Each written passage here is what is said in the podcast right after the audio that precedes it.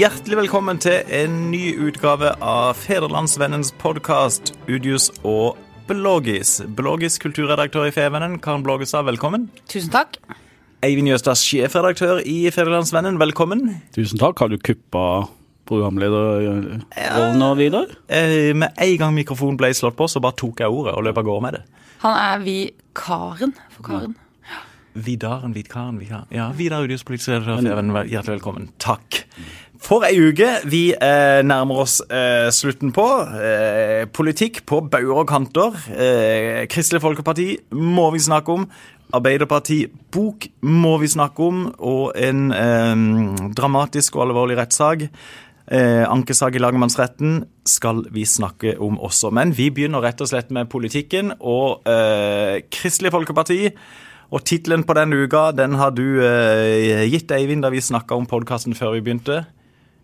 Hva, ja, Crazy Times? Crazy Times. Det er det jo i norsk politikk for tida. Ingenting er jo Som, du, som det pleier å være. Nei, det er det ikke. Altså, nei. Absolutt. Og det er jo mange, det er jo mange temaer her. Hva, eh, hva, det er kampen om delegatene, det er Ernas eh, innblanding, det er eh, saken om at Hareide nå bekrefter da at han vil trekke seg hvis han taper. Eh, Abortfrieri. Ja, abortfrieri. Det går jo nå Ernas innblanding, Ja. det jeg kanskje. Eh, Ok, da. ja, tema 2B. Hvor skal vi begynne? Altså Vidar, vi, hva, er, hva er du mest spent på nå? Er det om Start holder plassen i Eliteserien, eller hva som blir resultatet på KrFs landsmøte 2.11.?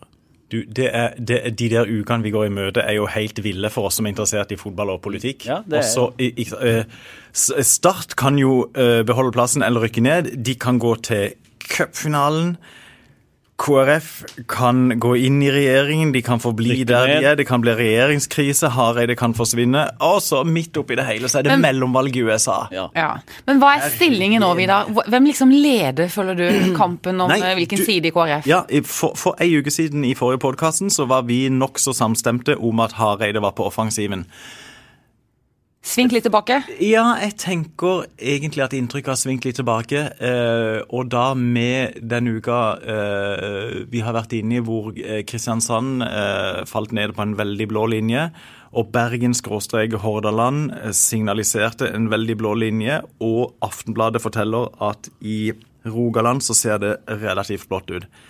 Eh, forskyvninga eller sånn forholdet mellom disse blokkene i hvert av disse fylkene vil være enormt viktig. Men akkurat denne uka så føler jeg at eh, Kjell Ingolf Ropstad har eh, fått litt vind i, vind i seilene. Hva tenker dere? Ja, altså mm, Først bare bekrefte et inntrykk Karen brakte inn her i forrige uke. Da hadde hun vært i Oslo og beveget seg litt rundt eh, stortingssfæren. og Henger i Stortinget mye jeg på fritida. Politikere og politiske kommentatorer og sånn. Og nå, da følte jeg jeg kunne være dårligere, så nå har jeg hatt en tur i Oslo, til Oslo denne uka. Og eh, kan bekrefte det inntrykket. Det virker fortsatt som det er sånn at eh, disse mediekommentatorer og politiske kommentatorer i Oslo og sånn har bestemt seg for at dette kommer Hareide til å klare. Og også litt at det er stemninga på Stortinget blant politikere. At de liksom at der virker det som at alle nå mener at jøss, dette kommer til å gå. Altså Det er en sånn 60-40, eh, og at Stortinget er litt sånn veldig prega av det. da. Selvfølgelig er det det. Men det er øh, Jeg tror jo fortsatt Jeg har jo veddet på dette, det kommer vi sikkert inn på videre, men uh, Han er egentlig det som liksom punkt fire Ja, utenfor det er her, det er mye- ja, er mye mer fritt når Karin leder. Ja. Da må vi ikke følge liksom skjema sånn Excel-ark er undervurdert. Ja. fritt slash kaos. Ja, Ja. kaos. Men eh, mulig Ropstad har kommet med på offensiven og Hareide på defensiven, men eh, jeg syns fortsatt det er mange ting som bikker Hareides vei. Og så tror jeg fortsatt at tyngdekraften vil gjelde, og at han eh, taper avstemningen på det landsmøtet. La, la oss ta de to helt ferske eh, innspillene som har kommet. Eh, Ernas abortsignaler og saken på KrF, hvor Hareide da skal ha bekrefta overfor sentralstyret at ja, jeg trekker meg hvis, hvis jeg ikke får viljen min. Hvor trekker disse to sakene, Karen? Nei, jeg tenker jo at eh, Erna Solberg, eh, hvis jeg hadde vært henne, eh, som jo er lett å tenke seg, eh, så hadde jeg vært ekstremt forsiktig med å blande meg inn i den prosessen. For det kan fort eh, være et Altså kan fort vippe motsatt vei, ikke sant. At når Erna blander seg for mye inn i Hareide, og tillegger han også motiver, og det var, det var, det første intervjuet hun ga tidlig denne uka til Dagens Næringsliv, hvor hun kom med nokså tøffe angrep mot Knut Ja, at det vitnet om maktlyst. At han Maktbehov. Maktbehov. ja. At han ville eh, denne venstresvingen. Men, men når hun signaliserer at de kan være villige til å endre abortloven, justere litt på den, for, for etter at Kjell Ingolf Ropstad på høyrefløyen har sagt at det ville være et viktig krav for, for KrF? Ja, Da vitner jo det om desperasjon, tenker jeg. Da vitner det om at eh, Erna Solberg har skjønt at dette virkelig kan komme på tale. Da kjemper hun en kamp for sin egen overlevelse, tenker jeg. Unge Høyre er jo dypt fortvilet over dette utspillet, og Venstre men har sagt klart ifra. Men bortsett fra Unge Høyre, så hadde det vært ja. helt stille i Høyre. Ja.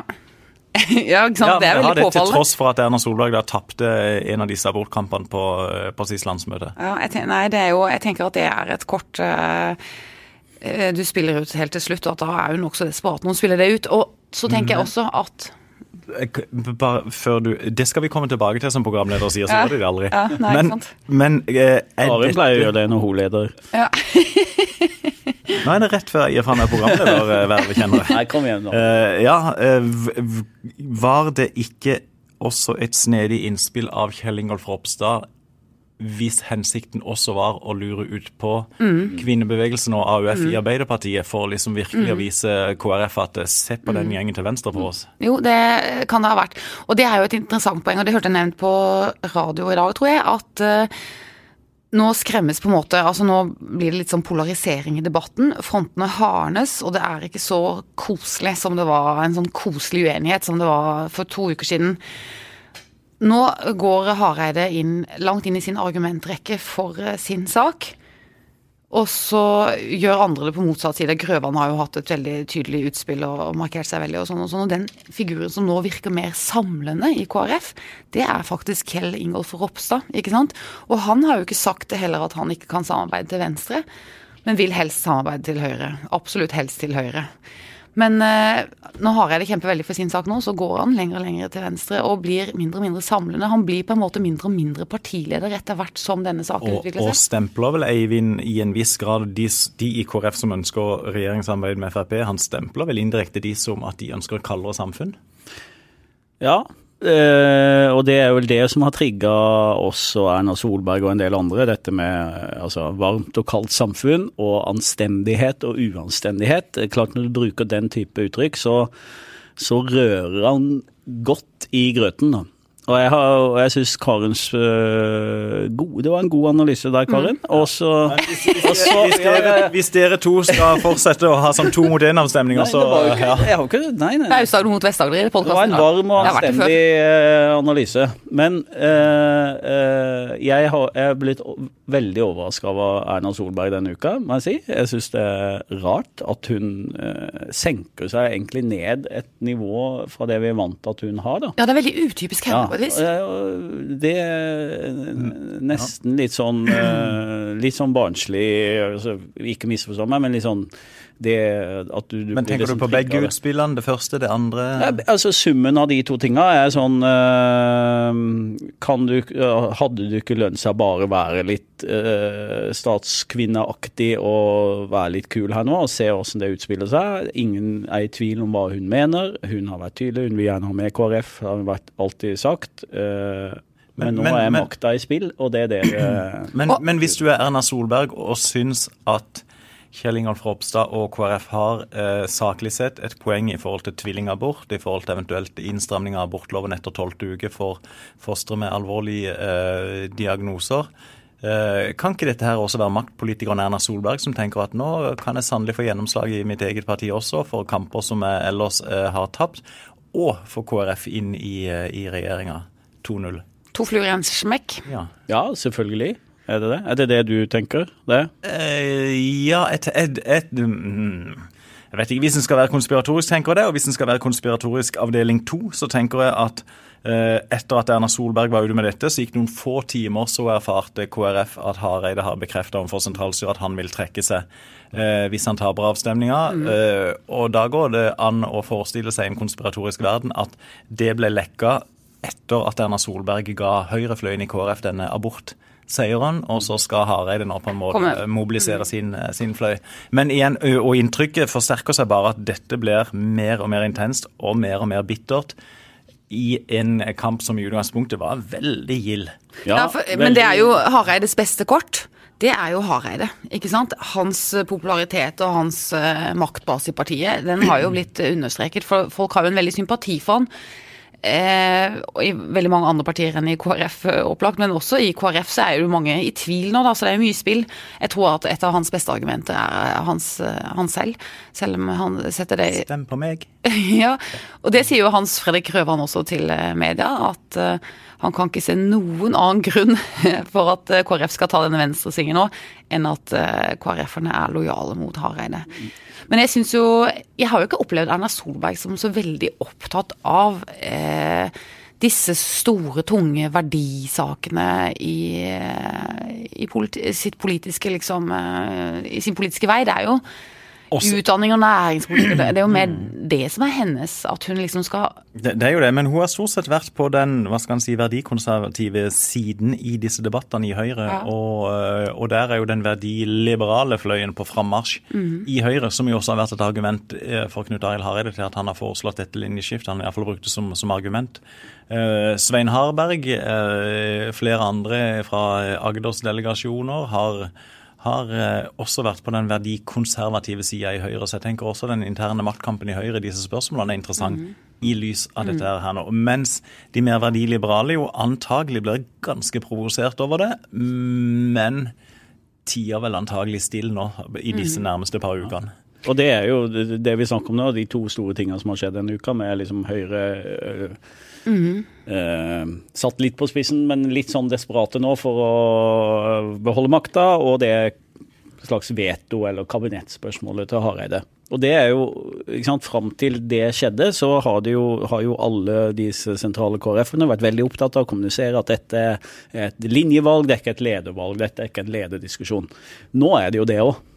Så det har jo Nå er det jo Nå har Hareide selv sagt at eh, dette, dette handler om hvem som skal lede Om lederskap. partiet. Og det Men er, Det er jo interessant også at dette Mange tenker jo nå, og det er jo lett å tenke at dette nå er, Altså det er mye spill som foregår nå, men det bunner jo i en veldig reell ideologisk kamp, mener jeg. Og det syns jeg jo er et sympatisk trekk ved hele den diskusjonen. Jeg syns det er utrolig deilig å ha et rom i Norge nå hvor en diskuterer ideologi. Har du meldt deg inn i KrF? Nei, men eh, jeg, eh, jeg har sympati Altså, jeg syns det er gøy å diskutere politisk ideologi, og det syns jeg vi har- gjør forskjellent i Norge, og det gjør vi litt nå. Det er gøy, og det er gøy at det er eh, for utenforstående eh, for KrF, da, som ikke har hjertet sitt ene eller andre stedet i den andre retningen, så er det gøy at det diskuteres ideologi i KrF. Og det er jo spennende hvis det også nå utløser litt ideologisk kamp og skillelinjer og diskusjon i de andre partiene, og det gjør det nok.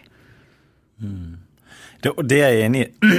Samtidig som jeg tenker at denne diskusjonen i KrF illustrerer også at det er relativt små politiske forskjeller tenker jeg, mellom de der to eh, fløyene. Og det er illustrert ved statsbudsjettforslaget, som jo ikke har hissa opp så veldig mange. Og den eh, finanstalen som Siv Jensen holdt, eller den talen holdt da hun presenterte statsbudsjettet, kunne vært holdt fra, fra, fra ganske mange partier. Ja, så det skal jo bli vanskelig å finne saken de skal felle sånn regjeringen pleier det jo å være med finansministertale, da. Of, ofte, ofte er det jo sånn, rett og men, slett. men Knut Arild Hareide, tenk deg for noen dager han har. Ja, det er helt altså, ellevilt. Hvordan er hva som skjer altså inni hodet hans, og hva han må forholde seg til, og hva han skal håndtere her. Ikke Ja. sant? Han, han skal vinne denne kampen, og så samtidig, så, sånn vi kjenner han, så virker det som han er veldig opptatt av at det skal være anstendig. da, ikke sant? At det her skal det ikke bli ikke sant? Det Du var inne på at nå begynner det å bli litt mer bittert. ikke sant? Det skal, Han har så lyst til at det skal bli en litt sånn verdig Altså Han skal håndtere så utrolig mange ting. Og det skjedde jo, og så må han være ute der og kommentere og reise rundt og er på alle mulige møter. og og? Det er mye følelser i spill. Og det skjedde jo en annen morsom ting denne uka hvor eh, det litt uvanlige skjedde at eh, eh, en partileder gikk tungt ut i VG og kritiserte VGs politiske kommentator Fridtjof Jacobsen. Det er jo ikke så, ikke sant? Så det viser han han er veldig frampå. Da velger han å ta den kampen, for han ble så provosert av Ja. en kom eh, kommentar eh, som VG hadde da. Som handlet om at eh, Hareide kan være med å vippe Fremskrittspartiet over i en sånn Sverigedemokraten-posisjon i nor norsk politikk. At de skal bli brakt til Ja, taushet. som, som jeg syns Jeg syns jo den kommentaren var bra. Det var et perspektiv som er eh, interessant. Altså, var, altså I Norge så er det i hvert fall en del som har ment at det er fint å ha eh, klistre noe makt på Frp, for det at det, det disiplinerer de. Og at Hareide òg kan være med og sette det i spill. Eh, At hvis da vipper Frp ut og de blir et opposisjonsparti. Og det er jo noe vi har snakka om òg. Og så kommer jo boka til Sylvi Listhaug Ja. det ei lita uke før, noen få dager før KrF skal treffe sitt valg, så eh, Og like før boka til Per Sandberg. ja, det, den, det var ikke meninga å le av den. Men Nei da, men det er bare et mye- eksempel på at Hareide er liksom Ja, all over the place. da. Han, Det- det han er tar alt nå, ikke sant? Det er rart han står på beina nå, syns jeg. Og enda er det Vi- tid igjen til vi var noen stykker i går kveld som satt og snakka om dette her, og da var det en av de som stilte spørsmålet hva er worst case scenario for Hareide på landsmøtet. Jeg tenker at det vanskeligste er men det, ja, hvis, det blir jo hvis det blir utrolig tett avstemning, da. Hvis det blir liksom Og han sånn vinner. hårfint. Ja, det blir jo utrolig komplisert. Oi, jøye meg. Kan, ja, tar han med seg KrF? eh, Ready to pop the question? The jewelers at BlueNile.com have got sparkle down to a science with beautiful lab grown diamonds worthy of your most brilliant moments. Their lab grown diamonds are independently graded and guaranteed identical to natural diamonds, and they're ready to ship to your door. Go to BlueNile.com and use promo code LISTEN to get $50 off your purchase of $500 or more. That's code LISTEN at BlueNile.com for $50 off. BlueNile.com code LISTEN. eh, over til venstre side med Da, er det jo, da skal han gå en, en vei hvor mange ikke vil gå, og så skal han le... Nei, vet du, det blir jo vanskelig. Ja, jeg tenker Da er det nesten bedre å gå ned med flagget til topps, er det ikke det? Og så kjempe kampen og tapte knebent. Hva tenker du, Eivind? Kanskje. Kan det bli en sånn hybridløsning hvor at de Ok, eh, da har partiet valgt side. Nå er det ikke noe tvil om eh, ikke sant, hvor vi står. Vi, vi, Frp er uaktuelt. Det kommer ikke til å skje. Eh, Så da, så lenge Høyre er der, så velger vi den andre siden. Men ikke nå. Så vi kommer ikke til å søke den eh, Vi kommer ikke til å velte regjeringen nå. Men eh, det kan komme en sak i løpet av perioden hvor det skjer. Eller, eh, eller så er det mobilisering inn mot neste valg, da. Altså, Er det mulig? Kan du se for deg at det, blir noe, at det kan Ja, bli en sånn det, ja, jeg tenker det, det blir jo på en måte galt uansett. Ja, da. alt- så det er jo Og, og en, kan, en kan reversere det du sier, altså, og at de kan OK, nå er det flertall, vi forhandler regjeringsmakt, og så skal vi ha en ny strategidiskusjon før neste stortingsvalg. Ja, det kan Der har vi erfaring fra Det kan gå. regjering, og så kan vi det kan Da er det enda mer vingling framover, det blir jo liksom en veldig, et veldig vakuum, da. Men jeg så en god avistegning denne uka. Eh, og avistegninger syns jeg er geniale når de er geniale. Og det var det Marvin Halleraker som tegner i Bergens Tidende og i Aftenposten som hadde tegnet. Han tegnet en liten, litt sliten Hareide som går og bærer på et kjempestort trekors. Og på den ene liksom vingen på korset så står det venstresiden, og på den andre siden så står det høyresiden. Det, sånn tenker jeg det er. Og før vi går videre til neste tema, uh, ukentlig veddemål. Vi har jo eh, vedda ti kroner på, på forskjellige alternativer. Uh, Eivind og Karen, står dere fast på deres ti kroners innsats på at Hareide vinner? Ja. ja, det, men det, ja, vi gjør jo det, men bare for at det skal være Konsistent. gøy for deg. Ja. Du Ja, da står jeg fast på mitt. Ja. Borgerlig, forstår jeg. Ja, ok. Er det lov å bytte? Ja, det, ja, det er lov å bytte. Vi har lov å bytte en gang i uka. Det er lov å bytte side, det har jo Hareide selv gjort. ja, ja, nei, da bytter jeg. Ja, ok, da er det dere to mot meg. Det er gøy. Nå snakker vi. Gutta Da blir triumfen desto større når jeg er alene. Jeg tror de konservative eh, tyngdekraften fra Agder, eh, Rogaland, Hordaland kommer til å vinne. Ja, det tror jeg òg, rett og slett nå. Men siste ord er ikke sagt. Er det uttrykket brukt før? Eh, Sjelden til denne podkasten. Du, Et annet parti som jo eh, også er nevnt her eh, indirekte, er jo eh, Det kongelige norske Arbeiderpartiet. Dere sitter begge to med bøkene Vi foran har dere. hver vår bok. Har dere lest dem, eller? Karen har ikke bok. Hvor mye har du lest, Eivind? Jeg har lest eh, baksiden, Ja, du har og jeg fikk den i dag, men jeg gleder meg til å ta den med meg inn i helga. Har dere ikke en til meg? Det er jo jeg som er kulturredaktør og egentlig skal ha bøkene her på huset. Jo, men eh, du, eh, den boka kom altså nå denne uka. VG-journalistene Lars Joakim Skavøy og Marie Melgaard har skrevet bok med årets desidert beste tittel. 'Alle skal ned'. Og som handler om eh, maktspillet i ledertroikaen i Arbeiderpartiet. Rett og slett. Og det er litt synd på forfatterne som, som da langs, hadde denne lanseringsdatoen. De, dette har de tenkt godt om, vet du, at det er litt sånn stille periode etter statsbudsjettet og sånn, og så skal man komme med denne bokbomba, og så hadde de ikke regnet med Hareide. Så Nei. de får nok litt mindre oppmerksomhet enn den boka ville fått ellers. Men Men, men eh, ja, du har lest baksida, Eivind. Jeg har på en måte fått eh, blafra, blafra litt igjen og lest litt. Og Ja, virker, virker veldig interessant i forhold til ehm, at det virker som en veldig grundig gjennomgang av dette marerittåret som Arbeiderpartiet eh, var, har vært gjennom. Hva er nyheten i boka? Du som har blafra litt i den og lest litt om den. Nyhe, nyheten, ettersom jeg kan skjønne, er først og fremst en, en mye mer detaljert fremstilling av de eh, enormt eh, vonde og vanskelige situasjonene. Både knytta til metoo nå ifra, ifra rundt nyttår og, og utover, og Giskes avgang. Eh, men også totalt kaos da i denne valgkampsentralen i valgkampen. Eh, og sånn sett veldig interessant å få innblikk i eh, at det er i sannhet bare mennesker ja, som, som sitter og bekler så sånne er det jo posisjoner òg. ja, bare, Men i seg selv, bare utgangspunktet er veldig gøy, at det kommer en politisk bok som er sånn sant? Ofte er disse politiske bøkene om noe som skjedde for 10 år siden eller 20 år siden, men her har noen gjort en jobb for å beskrive noe som vi husker liksom som det var i går. da.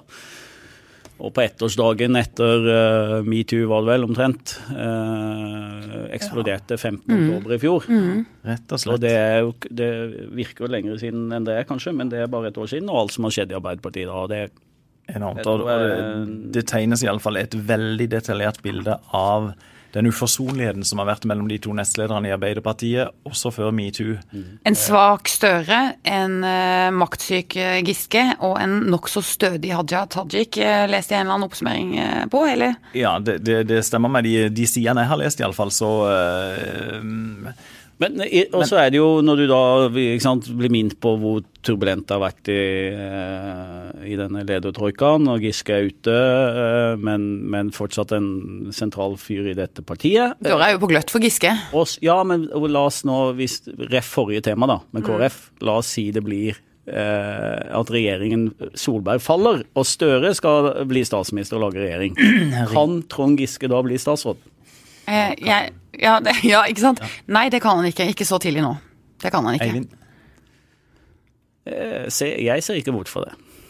Nei, jeg tror heller ikke eh, det. Det tror jeg vil bli for mye bråk. Hvis du, spør, hvis du heller spør har han lyst til å bli, så svarer jeg ja. Men han, eh, jeg, tror ikke, jeg tror det blir for mye støy. Jeg tror han, det må, gå, han må ha enda lengre karantene. Og sær, særlig når det kommer fram den enormt den enorme sterke motviljen som Hadia Tajik ifølge denne boka har mot den samme Giske, og hvor, hvor, hvor eh, mye hun satte inn på at han da skulle vekk som nestleder, ifølge boka. Og hvis han da kommer tilbake som statsråd, jøye meg. Men du som eh, journalister og fra vår bransje og sånn, det- er det et problem og en svakhet ved boka at det er så mye anonyme kilder der? Det er vel nesten bare det, er det ikke det? Men er det ikke det i nesten alle sånne bøker? Eh, Jeg er midt inne i den Bob Woodward nå med Fear om Donald Donald Ja. Administrasjon. Akkurat det samme. Ja.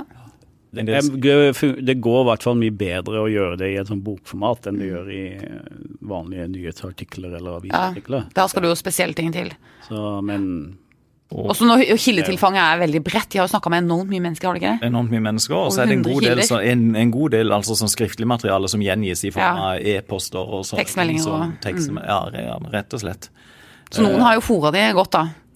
Og det, og det er jo, ja, rett og slett, Altså. det er fascinerende da med en sånn Når du, toppledelsen i et parti fungerer så dårlig, så klart det går utover politikken og budskapet og sånn. ikke sant? Og da er det jo fascinerende, tenker jeg, da, når du da Dette har vi jo visst lenge, at eh, Støre og hans nestledere har vært i konflikt. Men nå er det jo Hareide som, som er i et spill med med sine nestledere. De, der er tonen mye bedre. Eh, de samarbeider til tross for at de er uenige osv. Det, det virker ikke som det er hat overhodet. Det er respekt. Men allikevel så vil det jo da være, hvis disse to partiene skal inn i, i og begynne å forhandle om en regjeringsplattform med uh, Da er det, det er sant, og to partier som gjør et sørgelig dårlig valg, begge to for et år siden. Valg, valgets to tapere skal sette seg sammen. Det er konflikter i ledergruppene. Ja, det kan nok hende. Tenk hvor lett du har det, Eivind. Du er sjefen til meg og Vidar, ikke sant? Det er jo helt sømløst. Det er jo bare sol, solskinn hver dag. Det har jeg ingen kommentar til. oh, det, det, Men som du sa, så kommer Listhaug-boka nå på, på toppen av dette. Uh, altså, det, Hva forventer dere der av den boka? Jeg... Nei, jeg, jeg, har ikke fått så veldig klart for meg hva som er hensikten med hennes bok. Er, er det på en måte å skrive all, gjennom, uh, om alle de turbulensene hun har vært gjennom? Hvis, hvis, hun da fortsetter på den voldsomme galeien hun la opp til da hun holdt den pressekonferansen etter at hun måtte trekke seg, eller trakk seg som justisminister, så tenker jeg herre land. Det, det, var jo hei, det var altså aldeles vilt, tenker jeg. Det var bare ikke en statsråd verdig, de der greiene. Hvor alt handla om hun og stakkars hun, mens alle de andre var barnslige på tur i barnehage osv. Så, videre. så var hun den eneste voksne i rommet.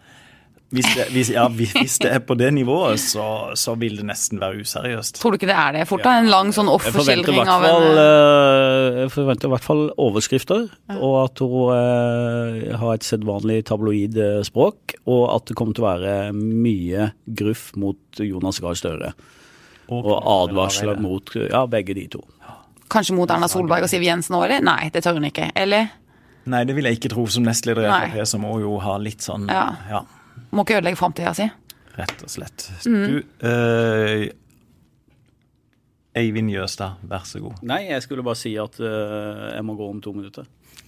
Han ba ikke om replikk, det var to minutter. Det var derfor. Jeg tror det var replikk. Ja, men jeg er enig i at det var sånn. Ja, det burde, ja. var dårlig. Du, Eivind, du er med så, så, lenge du kan. Siste tema i denne ukas podkast, det er en uh, alvorlig, tung og dramatisk uh, rettssak du har vært med på denne uka, Karen. Uh, ankesak i lagmannsretten. Fortell. Eh, der er jo den nå 16 år gamle jenta eh, fra, som eh, begikk et drap og forsøkte å begå et annet, eh, slik det heter, eh, på Sørlandssenteret sommeren 2017. Hun står nå tiltalt i lagmannsretten, for der har jo man anket eh, dommen fra tingretten. Så denne uka har vi fått rullet opp igjen hendelsesforløpet på Sørlandssenteret og bakgrunnen til denne jenta. Vi har fått høre alle vitnene vi hørte i tingretten, mer eller mindre. Og hørt hennes forklaring også. Og fredag i dag, da Vi er jo innspurt nå. Da holder uh, aktor og forsvarer på med sine prosedyrer. Og du, du fulgte også første runde i, i tingretten. Er det, er det kommet fram noe nytt, eller er det mye, mye av de samme argumentene som går igjen? Eh, det er veldig mye av de samme argumentene. Og så er det kanskje en litt sånn annen eh, vektlegging og toning på noen ting. Og det er eh, Altså disse rettspsykiatrene de står veldig fast ved sin forklaring, den de hadde sist. De snakker fortsatt om en manipulerende, dramatiserende eh, en jente da, som mangler litt empati, og som er enormt selvsentrert, som er lett krenkbar. Eh, og de mener jo at hun har langt på vei personlighetsforstyrrelser som, er, som det er veldig usikre prognoser for å behandle. Og så kommenterer de eh, det at hun har på en måte roet seg litt i denne ungdomsenheten i Bjørgvin den siste tiden. Det tror de skyldes at det er krystallklare rammer der. Ikke at det har vært noen nødvendigvis god utvikling eller emosjonell eller intellektuell utvikling. Og det veier jo tungt i forhold til eh, straffeutmåling, og det veier tungt i forhold til den diskusjonen om forvaring som jo nok også lagmannsretten kommer til å ha, fordi at hun grenser opp til en forvaringsdom selv om hun er en veldig ung jente, og da skal det helt spesielle ting til. Og, og det er vel, ja, for det er vel flere spørsmål her. Det, det er vel på den ene sida eh, forvaring eller ikke, og så på andre sida er det vel da eh, forsvarerens kamp for, at, eh, for, å få gjennomslag for at dette ikke var et planlagt eh, drap. Ja, og det, det, tror jeg, den kampen tror jeg er tapt, for det er få som tror henne på det. Hun har gjort så mye søk på nettet, hun har eh, planlagt godt hun har eh, og så sier selv, har selv sagt flere ganger at hun har hatt drapstanker. Så hun blir veldig lite trodd på det, at eh, hun skulle bare skade og ikke drepe. Men eh, forsvareren kommer jo også til å vektlegge hennes vanskelige bakgrunn, og vil eh, legge tungt inn på at det skal ha formildende omstendigheter. Eh, og det er nok den kampen hun kommer til å kjempe i sin prosedyre, tenker jeg. Og så vil hun jo også sikkert eh, Det er ikke sikkert hun kommer til å snakke så mye om forvaring, for det er jo ikke lagt ned påstand om det fra aktoratets side, selv om aktor i dag sa at han er veldig i tvil. Han syns det er vanskelig. Han finner gode argumenter for forvaring. Han finner også gode argumenter for at en så ung tiltalt ikke skal forvares. Så han legger det jo veldig opp i fanget på lagretten, så de må i hvert fall ta en diskusjon om det. Og da er det jo veldig interessant og bra at det er eh, slik nå at juryen i lagmannsretten må begrunne dommen sin, og det er jo nytt. Og det måtte de ikke før. Det måtte de ikke før. Og på et felt som dette, og heldigvis er jo barnedrap utrolig sjeldent, så fins det jo veldig lite presedens. Det er lite å liksom knagge jussen på her. Så det er veldig bra at det kommer en begrunnelse derfra, for da vil en få utbygd det jussfeltet, rett og slett. Hvis du skulle um, uh, resonnerende tenke deg i hvilken retning eh, kan en dom gå, Eh, ut ifra det du har hørt uh, denne uka? Tenker du omtrent uh, langs de linjene som tingretten gikk opp, eller hvis ikke det har kommet mange nye ting, er det, er det, det som er det naturlige, eller er det vanskelig å forutsi, selvfølgelig? Det er vanskelig å forutsi. Jeg tenker jeg, Altså, å putte barn i forvaring er jo veldig alvorlig. Altså, det er jo en rystende ting for, en, for, et samfunn som vårt å gjøre, ikke sant. Vi tenker jo at vi skal ha en veldig sånn humanisme overfor barn. Og det skal vi jo. Eh, også, De sier jo at å putte barn i forvaring det er jo en sånn tidsubestemt straff. da, Og at bare det i seg selv er en enorm belastning. Å sitte i, i fengsel og ikke vite når du skal komme ut. Og så er det også eh, men, men, så er det samtidig dette i forvaring, så får en mye bedre behandling enn i vanlig fengsel. Og de rettspsykiaterne er jo svært bekymret, og aktor også, for at denne tiltalte, hvis hun får en ordinær fengselsstraff, så skal hun ut av ungdomsenheten på Bjørgvin i løpet av få år, to år. Så skal hun over i et vanlig fengsel. Og med så dårlige og usikre behandlingsprognoser, med så alvorlige forstyrrelser, så ja mm, Bekymret for det, ja.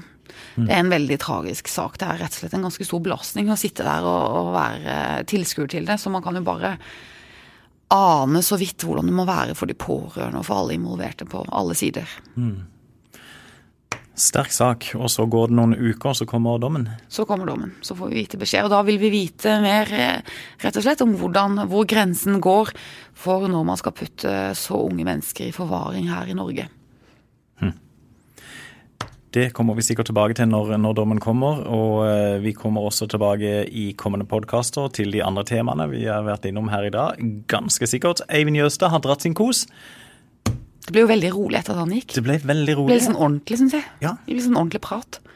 En god gutt- og jenteprat. Ja. ja. Karen Blågestad, eh, du og jeg sier eh, på vegne av oss tre som har vært der, eh, takk for følget. Og følg med på Udys og Blågis videre framover. Takk.